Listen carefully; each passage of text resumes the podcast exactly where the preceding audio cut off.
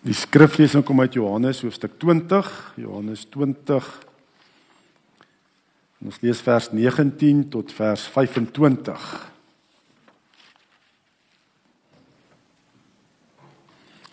Johannes 20 vers 19 tot 25.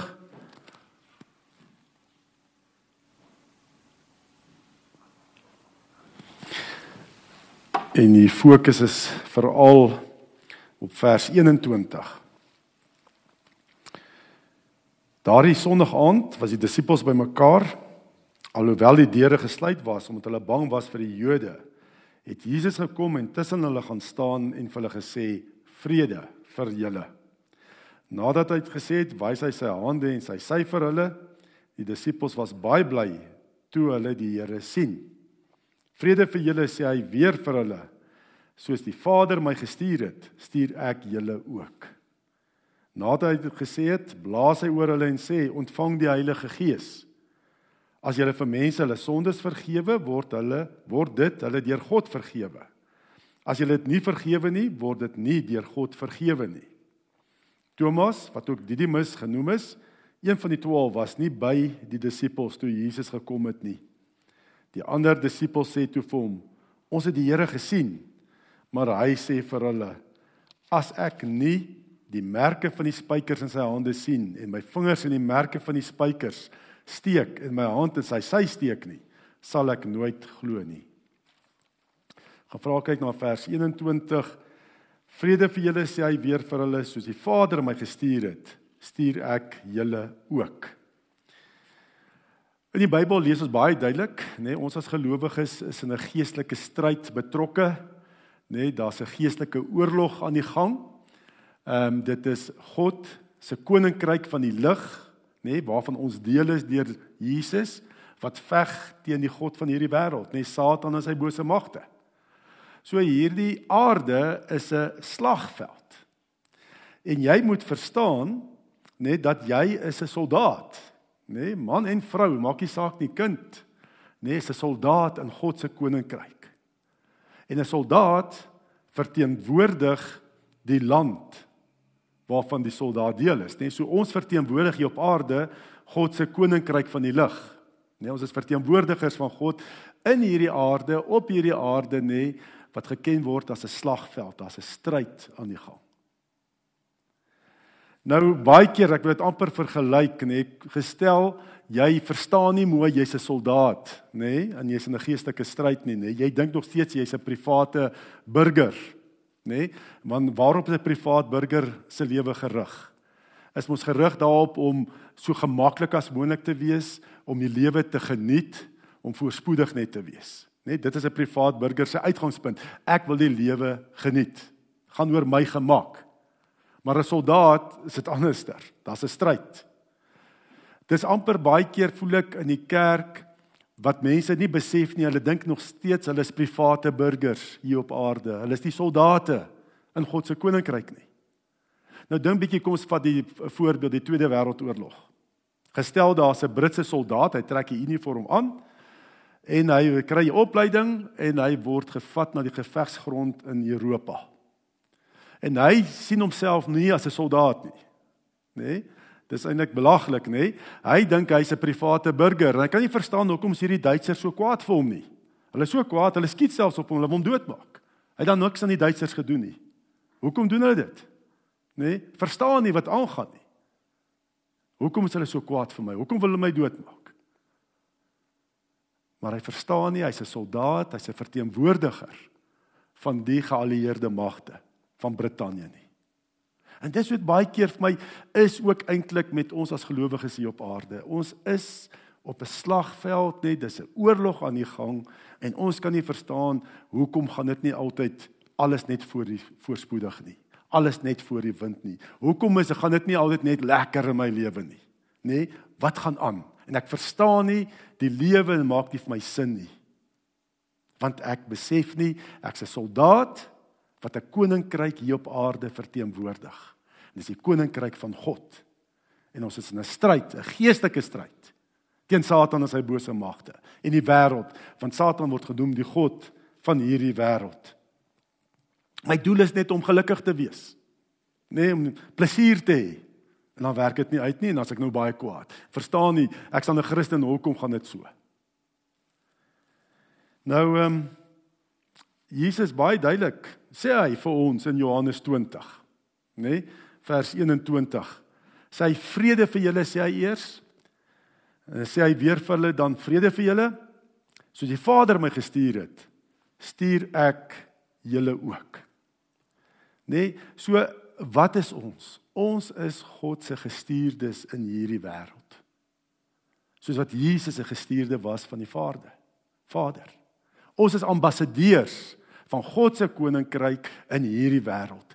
Dat 'n uh, hoekom is 'n uitreiling van ambassadeurskap plaasgevind nadat Jesus gesterf het aan die kruis en opgestaan uit die dood. Het daar uitreiling van ambassadeurskap plaasgevind. Hy stuur ons as sy ambassadeurs hier op aarde om hom te verteenwoordig hier op aarde en Jesus is ons ambassadeur waar in die hemel.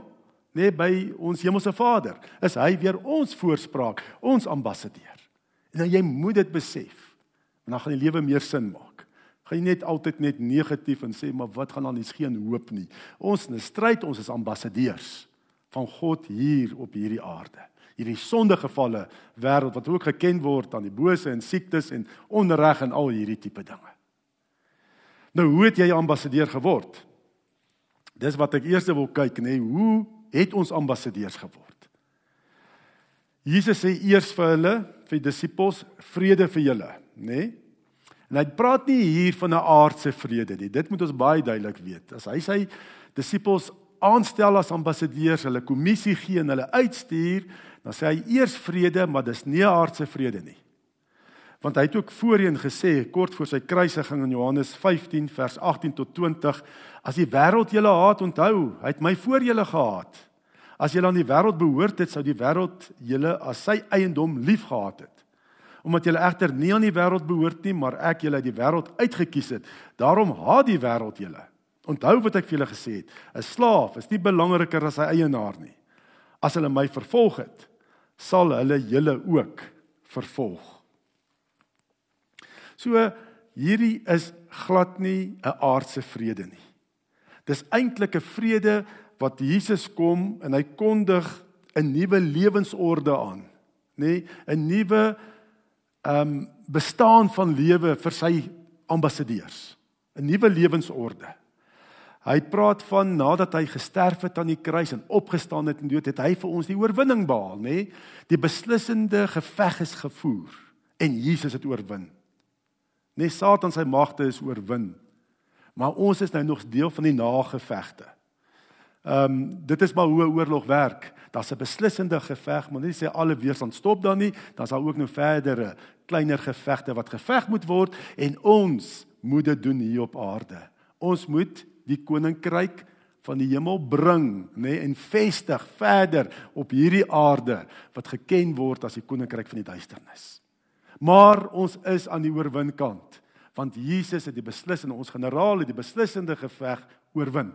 Daar's oorwinning. Ons veg met sy oorwinning hier op aarde. Dit is 'n nuwe lewensorde. Die prys is betaal, ons sondes is betaal. Nê? Nee? En as ons sondes betaal is, ons het vrede met God en die dood is oorwin. Ons het nie meer 'n krampagtige vrees oor die dood nie. Want Jesus het oorwin. Ons liggaamlike dood nê word eintlik 'n deurgang na die ewige heerlikheid by ons hemelse Vaderhuis.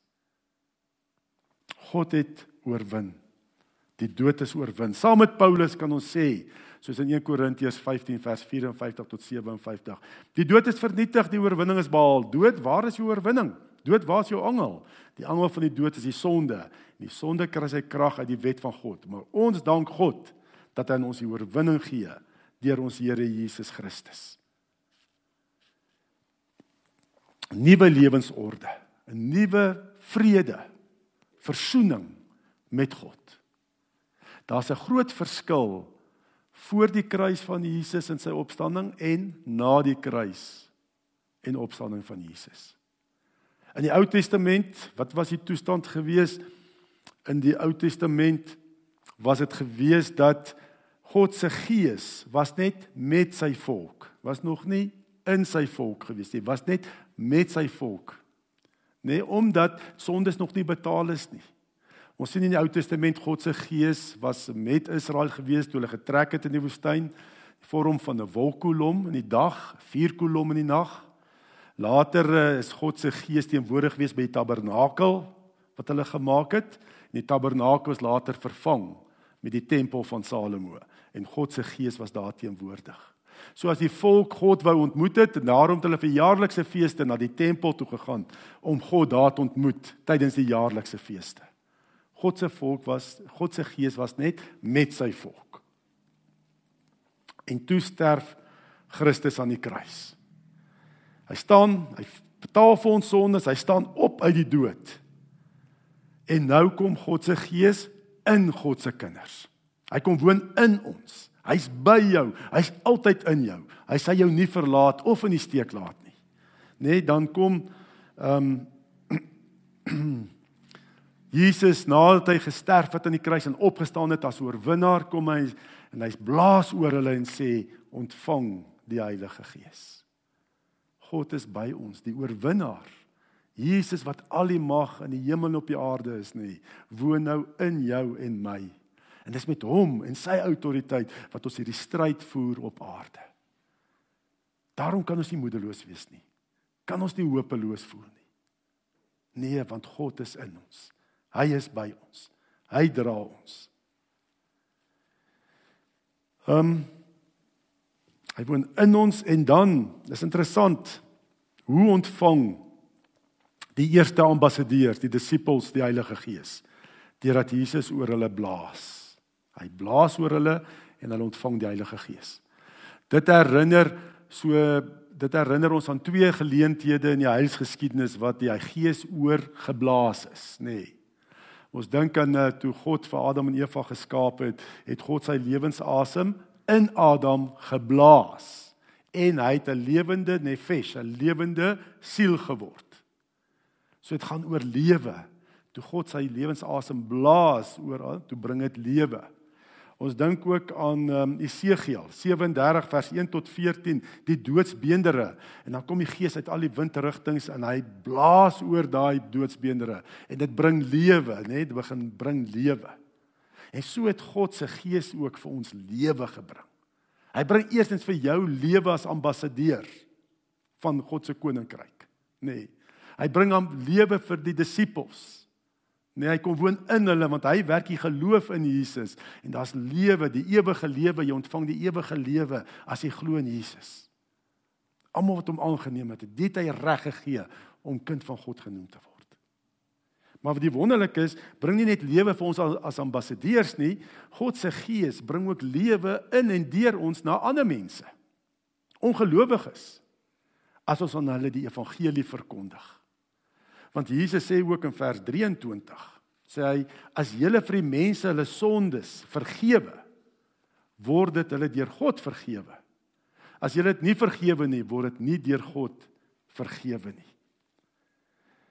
Die disippels, is die ambassadeurs wat vir die nuwe gelowiges kan sê hulle sondes is reeds vergewe as hulle Jesus se kruisoffer aangeneem het.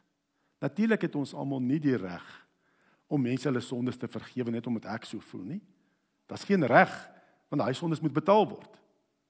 Maar ons het die reg as koninkryksambassadeurs om God se koninkryksbeleid aan te kondig en sê omdat jy nou glo nê, die Gees werk deur jou, jy bring die evangelie aan 'n persoon en kan jy verklaar omdat jy glo in Jesus nê, is jou sondes vergewe. Omdat jy glo in die kruis van Jesus, kan ons sy koninkryksbeleid proklameer as ambassadeurs en sê jou sondes is vergewe. En dan is dit vergewe. So God se gees bring lewe in ons eie lewe as ambassadeurs en ook deur ons vir ander mense as ons aankondig jou sondes is vergewe omdat jy glo in Jesus. Omdat jy sy kruisoffer aangeneem het. En dan Wat is hierdie vereistes? Wat word van ons gevra as ambassadeurs van Christus? Wat verg dit van jou?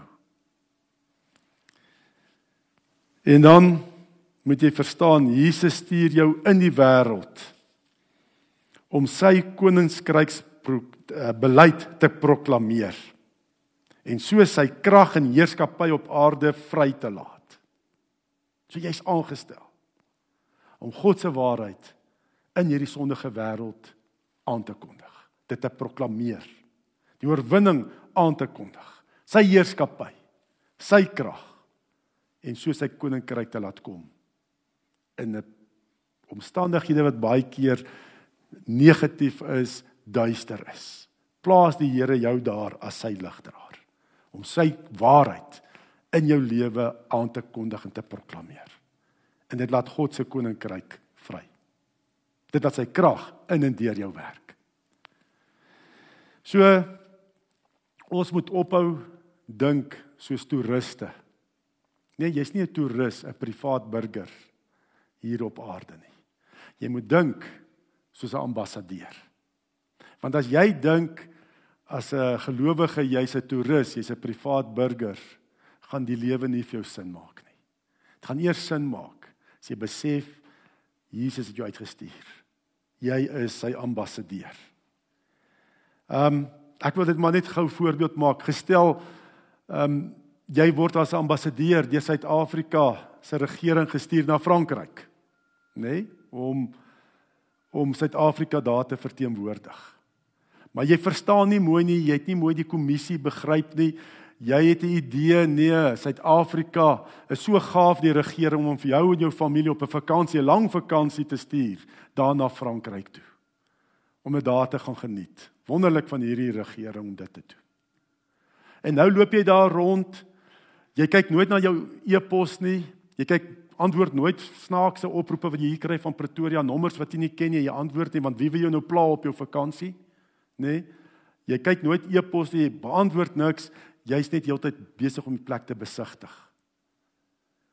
En as Pretoria jou probeer kontak om belangrike boodskappe oor te dra aan die Franse president, kry jy nie hande nie want jy's daar bo die Eiffeltoring en kyk na Parys hoe mooi dit is saam met jou familie. Net dis eintlik hoe belaglik dit is. nooit daar om die koninkryk te verteenwoordig nie. Dit's 'n groot frustrasie van jou regeringshoofkwartier. Hulle kry nie hierdie ambassadeur in die hande nie. Klink amper nogal soos vandag se politikuste. Lekker vakansie hou. Ehm um, Nee, dit is dit ek dink dit is ook die frustrasie van ons hemelse hoofkwartier as ek dit so kan stel. Dat daar boodskappe kom Maar klomp kinders van God, nê, nee, ambassadeurs van God, nê, nee, sien hulle self as privaat burgers en gaan oor om die lewe te geniet, nê, nee, om sightseeing, om om my gemak en al hierdie goeters. Skakel nooit met die hemelse hoofkwartier om te hoor is daar 'n koninkryksbeleid wat ek eh, moet afkondig of moet verklaar.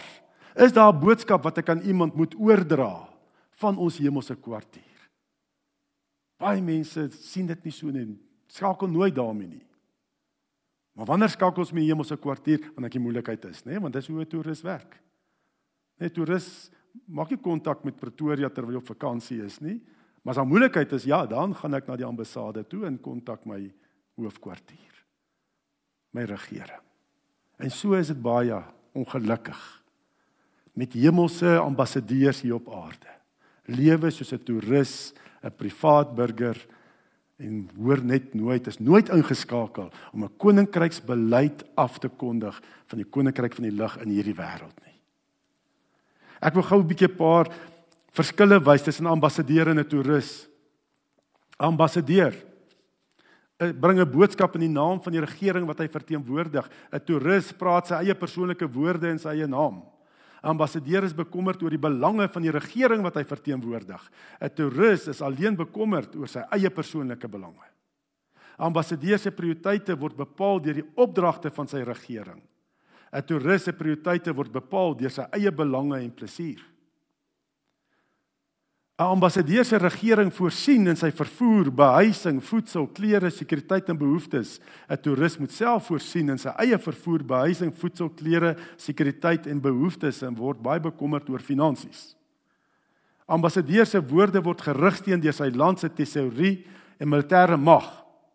'n Toerist se woorde word gerig teen deur sy eie persoonlike bankrekeninge en krag. Ambassadeur se taak is alleenlik om die beleid van sy koning en die se ryk te proklameer. Dit is die taak van die koning, die Here, nê, nee, om die wysheid en mag te voorsien. As die koninkryksbeleid geproklameer is. Die regering moet dan die wysheid en mag voorsien. Dis nie jou eie krag nie. Ja. En dit was eintlik ook as ek dink aan laas Sondag, dit was die verskil tussen Saul en Dawid toe hulle met Goliat te doen gekry het. Hoe het Saul gedink? Saul het soos 'n toerist gedink. Wat gaan ons doen? Ek sal moet iets doen. Alles hang van my af. Ons moet 'n soldaat kry wat goed is met die swaard, nê, nee, wat hierdie ou kan oorwin, wat Goliat kan wen, oorwin. Hy het gedink soos 'n toerist. Maar Dawid Dawid gedink soos 'n ambassadeur van God se koninkryk. Hy het God se koninkryksbeleid afgekondig, nê, nee, en geweet die Here sal die oorwinning bring. Hy het nie omgee hoe gaan ons hom oorwin nie. Ou Saul wil hom nog klomp wapens gee en aantrek, maar hy kon nie beweeg nie. Hy het geweet hy kan eintlik maar net die koninkryksbeleid afkondig en sommer net spoeg na hierdie Goliat en hy sal doodgaan. Want dit is God. Hy is 'n verteenwoordiger van God se koninkryk. Hy sê vir Goliat: Wie is hierdie heiden, hierdie Filistyn nogal dat hy die linies van die lewende God verkleineer? En dan sê hy vir Goliat: Jy kom na my toe met 'n dolk en 'n spies en 'n swaard, maar ek kom na jou in die naam van die Here die Almagtige, die God van die linies van Israel wat jy verkleineer het. Vandag sal die Here jou in my mag oorgee. Dan sal hierdie skare besef dat die Here nie deur die swaard of spies verlos nie, maar dat die oorlog aan die Here behoort en dat hy julle in ons mag oorgee. Dawid het as ambassadeur geweet wat God se koninkryksbeleid is. Hy het dit geproklaameer en die Here sal in sy almag en wysheid sy beleid laat geld. En daarom was hy nie bang nie. Hy was nie bekommerd oor hoe hy Goliat sal verslaan nie. Hy het geweet dis die Here se werk. Hy is net as ambassadeur moet hy die koninkryksbeleid afkondig. God, die oorlog is God se. Nee, soos wat jy jou land, nê, nee, ambassadeur se se weer se land se weermag en tesourie agter hom het. So ook is ons ambassadeurs van God se koninkryk. Nie bekommerd nie. Spreek net die waarheid. Proklameer die waarheid waar dinge uitmekaar uitval. God sal die almag en wysheid gee om sy koninkryksbeleid net te regsteen. Laat deurkom. Die oorlog is God se. En dan is dit so belangrik en daarom is dit so belangrik as 'n ambassadeur om kontak met die hoofkwartier te behou, om kommunikasie met die regeringshoofkwartier te behou. 'n Toerist het geen kontak nie, so ek gesê het met die regeringshoofkwartier nie behalwe as dit 'n moeilikheid is. En en dit is my so jammer. Ek ek ek wil nie net nou veralgemeen nie, maar dit voel so baie keer, baie keer sien jy mense maak net kontak met die kerk, nê, as daar 'n begrafnis is of 'n troue of 'n doop.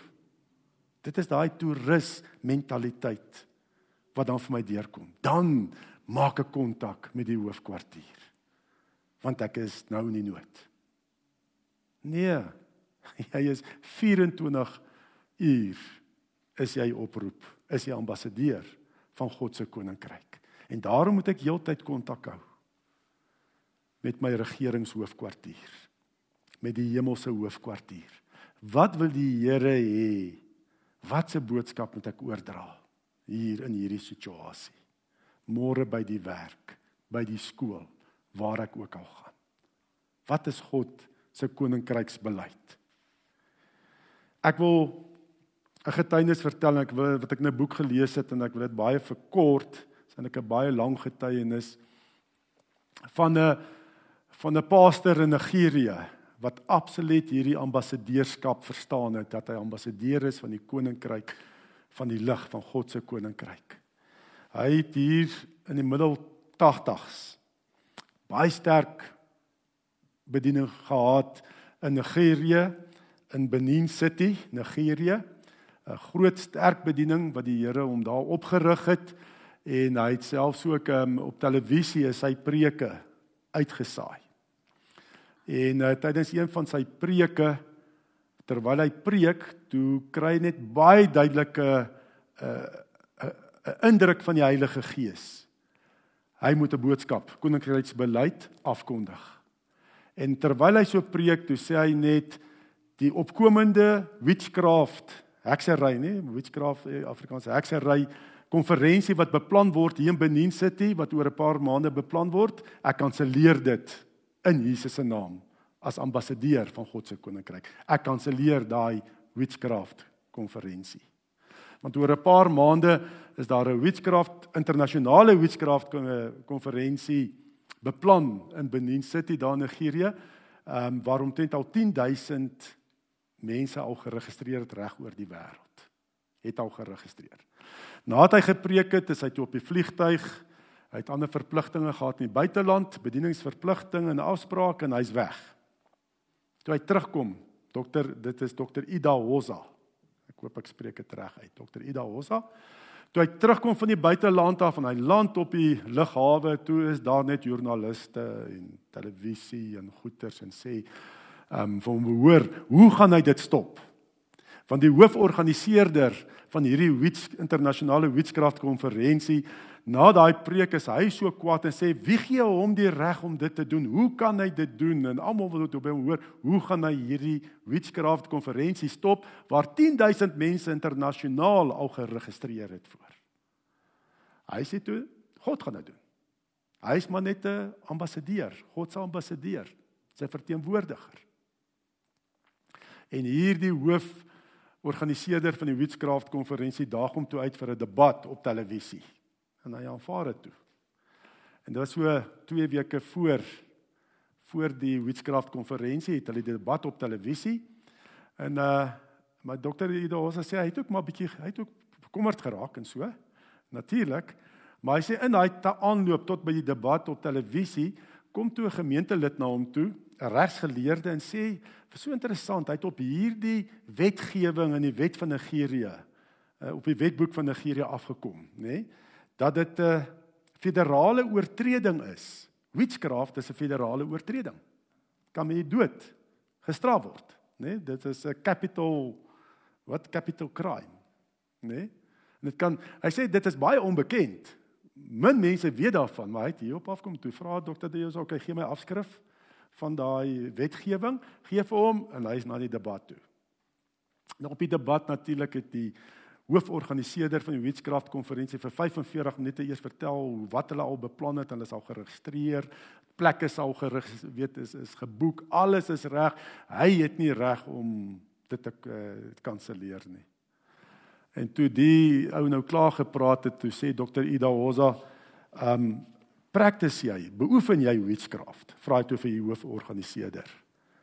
Vra hom toe direk, beoefen jy dit? En skielik sien jy hy weet toe van daai wetgewing wat die ander nie van weet nie. Hy sê toe nee, ek ek beoefen dit nie self nie.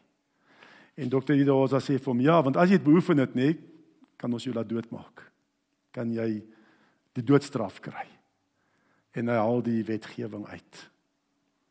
En ehm um, en hy sê toe ook dokter Idosa sê ook hy doen 'n beroep op die president van Nigerië om al daai visas te kanselleer want anders te plaas dit Nigerië in 'n groot dilemma as al hierdie witchcrafts hier na toe kom en hulle moet eintlik met die dood gestraf word. En kort na die televisie uitsending, die debat wat uitgesaai is, het die president gekontak en hy soek 'n afskrif van daai wetgewing en hy het al daai visas gekanselleer en die witchcraft konferensie is ook gekanselleer. Net vanweë tekort aan fondse en mense wat wil bymekaar kom. Dit is om 'n ambassadeur te wees. Om ingeskakel te wees by ons hemelse hoofkwartier van ons generaal te hoor. Ons president, ons hoof baie groter as dit natuurlik.